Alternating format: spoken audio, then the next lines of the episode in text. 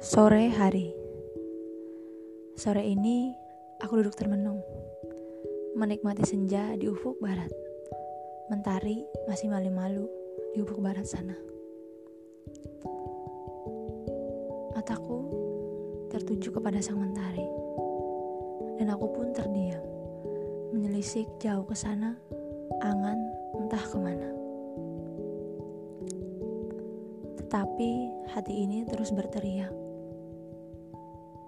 dan bertanya, berapa nikmat yang sudah aku dapatkan?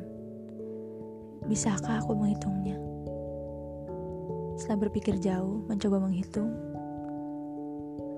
ternyata ku tak bisa menghitungnya.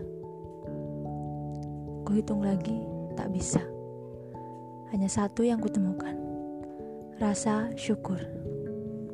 Ya, rasa syukur itu. Sore ini aku masih menikmati senja ini. Ketika banyak orang terbaring tengah berjuang di tengah pandemi ini. Ketika yang lain berjuang mencari sesuap nasi di tengah pandemi ini. Ya, rasa syukur. Syukur yang harus kuutarakan kepada sang pemilik senja, kepada sang pemilik kehidupan ini.